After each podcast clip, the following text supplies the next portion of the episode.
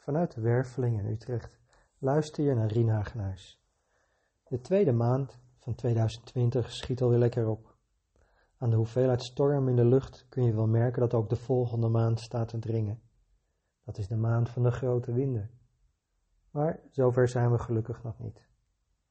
Zoals je misschien in de gaten krijgt, gaat mijn tweede podcast van de maand steeds over een van de chakra's van de mens. Waarbij ik het met jullie vandaag wil hebben over het kroonchakra, ook wel het kruinchakra genaamd. Het kroonchakra vormt de toegang naar de modus van het observeren. En dat lijkt voor veel mensen een interessant domein. De namen kroon en observeren doen al vermoeden dat dit iets is wat zich in de hoogte afspeelt. Lange tijd was het kroonchakra voor de mens de hoogst bereikbare laag van het bewustzijn. Daardoor was het ook misschien wel de meest directe verbinding naar de wereld van de ziel. Inmiddels raak je vast het spoor kwijt door de hoeveelheid begrippen. Dus even een stapje terug. Wat is de wereld van de ziel? De meeste mensen hebben daar vast wel eens over nagedacht. Religies zijn ermee opgebouwd. Want wat zou je nou hebben aan een God wanneer het leven zich beperkt tot enkel een fysieke ervaring? Een atheïst zou zeggen: Je hebt het helemaal niet nodig, want na de dood blijft er niets anders dan wat stof van je over. Een gedachte die mensen wel eens hebben proberen te onderbouwen door het gewicht te meten van iemand vlak voor en na zijn overlijden. Dat schoot niet erg op. Wat kan een ziel überhaupt iets wegen?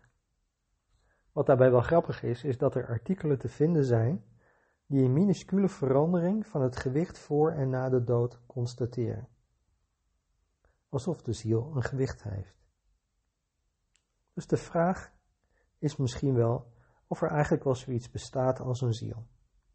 Ik zou zeggen, wanneer je je bewustzijn wilt ontwikkelen, is het accepteren van een ziel nodig om het volgende niveau te kunnen bereiken.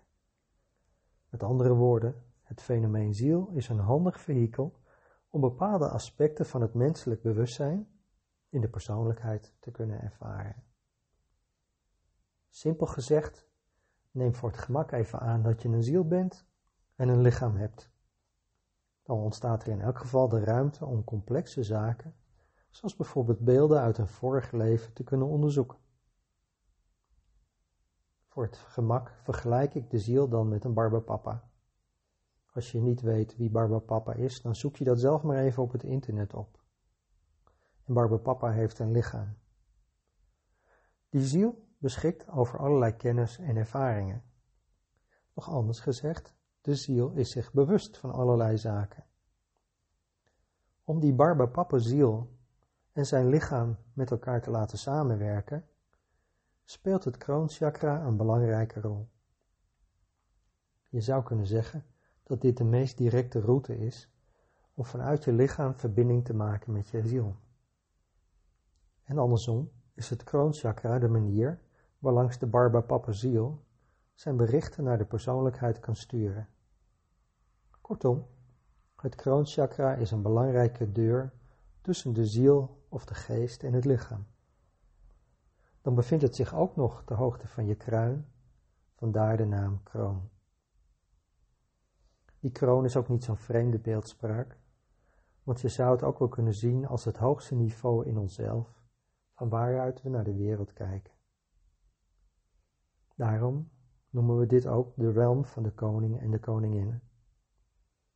Het is ons hoogste punt, van waaruit je het beste overzicht hebt wat er om je heen allemaal gaande is. Misschien kun je het wel vergelijken met een soort spiritueel centrum, waarin allerlei communicatielijnen naar de wereld om je heen samenkomen. In dit geval niet in een fysieke zin, maar op een energetische manier.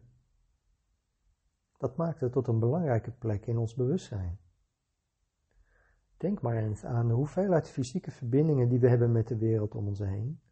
En nog veel groter, hoeveel verbindingen houd je via de energie met anderen in, je weer, in de wereld. In vroege tijden was de belangrijkste functie van het kroonchakra de verbinding met de wereld van de ziel. Een plek waar langs zowel innerlijke wijsheid als hulp door geesten van buitenaf kon worden verkregen. Een taak die vooral was toevertrouwd aan shamanen of medicijnmannen en vrouwen, heksen, priesters van een gemeenschap. De betekenis van de informatie die dan langs deze route kon worden verzameld was voor mensen belangrijk.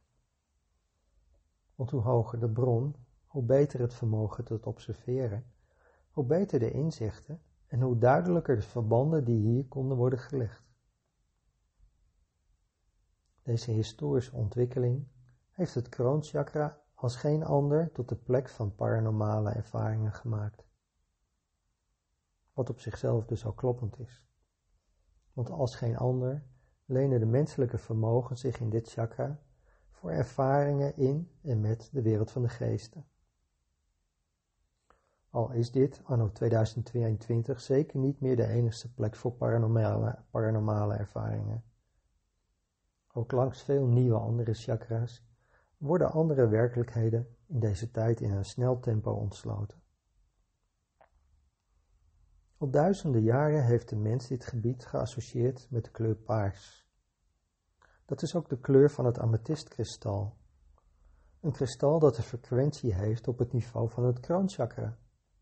En dat kun je wel weer weten. En waar komen die amethysten dan ook weer tegen? Nou, bijvoorbeeld in de Britse kroonjuwelen.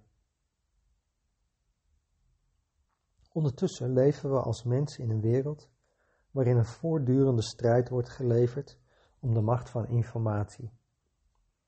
En informatie is niets anders dan energie. Ieder mens is in deze dagen via zijn computer en telefoon, ik heb het al eerder gezegd, op heel veel manieren verbonden met de wereld om zich heen. Je zou kunnen zeggen dat ons kroonchakra overuren maakt om het overzicht met al die lijnen te behouden. Het is dan misschien ook wel niet vreemd dat er grote belangen zijn om het kroonchakra van mensen te beïnvloeden. Maar hoe doe je dat? En wie zou zich daar nou mee bezig willen houden? Nou laat je verbazen.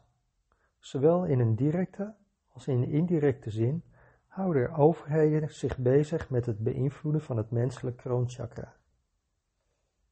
Heb je wel eens gehoord van het HARP-project? Ik speel H-A-A-R-P. Al meer dan 30 jaar wordt er over geschreven. In deze tijd wordt het gezien als een complot, om middels hoge frequenties die over de wereld worden uitgezonden, het klimaat te beïnvloeden. Maar wie zich er nog iets verder in verdiept, zal zien dat het nog verder reikt dan dat. Volgens mij gaat het om de beïnvloeding van het menselijk energetisch systeem door het over de wereld uitzenden van hoogfrequent, uh, hoogfrequente signalen. Maar ook het coronavirus en de vaccinaties lijken het menselijk kroonchakra te beïnvloeden.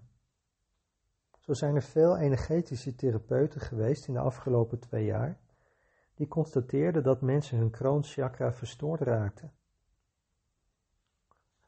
Soms omdat mensen corona zelf kregen en soms kwam het voort uit vaccinaties.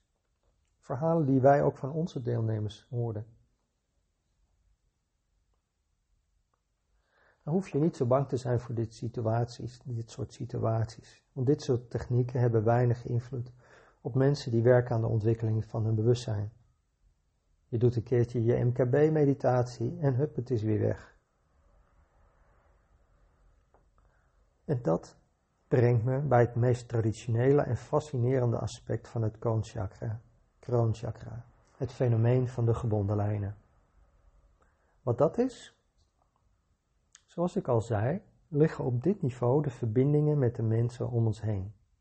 Niet in de stof, niet via telefoon, maar in de energie.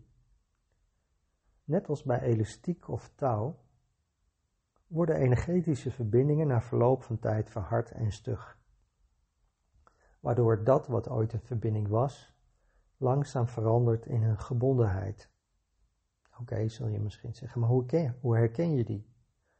Wanneer mensen zeggen, zo doen wij dat nou eenmaal, of wanneer mensen niet meer weten waarom ze iets doen, of voor wie ze eigenlijk iets doen, is er sprake van gebonden lijnen. Dus wanneer je deze dagen naar je werk of naar de supermarkt gaat en je afvraagt waarom die mensen om je heen nog steeds met een mondkapje oplopen? Je zou het ze vragen, nou gewoon omdat het crisis is en we doen het al twee jaar. Zo gaat het nou eenmaal in de coronacrisis. Denk dan niet dat deze mensen onnozel zijn.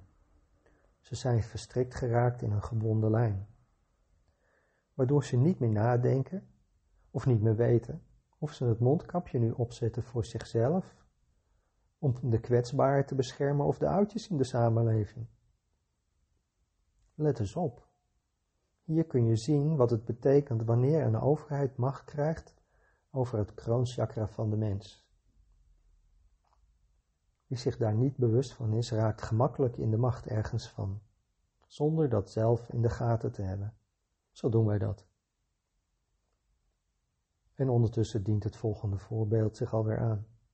Kijk maar naar de hele situatie rondom de Oekraïne. Al een aantal weken wordt vanaf het hoogste niveau alle verbindingen ingezet om weer nieuwe gebonden lijnen te creëren, dan wel om aan te halen wat er al was. Want wie weet nog of we Oekraïne nou steunden voor onszelf, voor de Oekraïners, voor de Emma-slachtoffers, voor de Amerikanen, voor de Russen? Als de NAVO beweegt, dan gaan we toch mee? Zo hebben we dat altijd gedaan en zo doen we dat nog steeds. Kortom, gebonden lijnen zijn overal werkzaam, dag in dag uit, in het groot en in het klein. Misschien snap je dan ook dat bewustzijnsontwikkeling niet alleen rust brengt in je hart, maar ook in je hoofd. Iets wat misschien wel steeds belangrijker wordt in deze tijd. Ik dank je weer voor het luisteren en hoop je gauw te ontmoeten in de Werveling in Utrecht of je weer te horen bij mijn volgende podcast.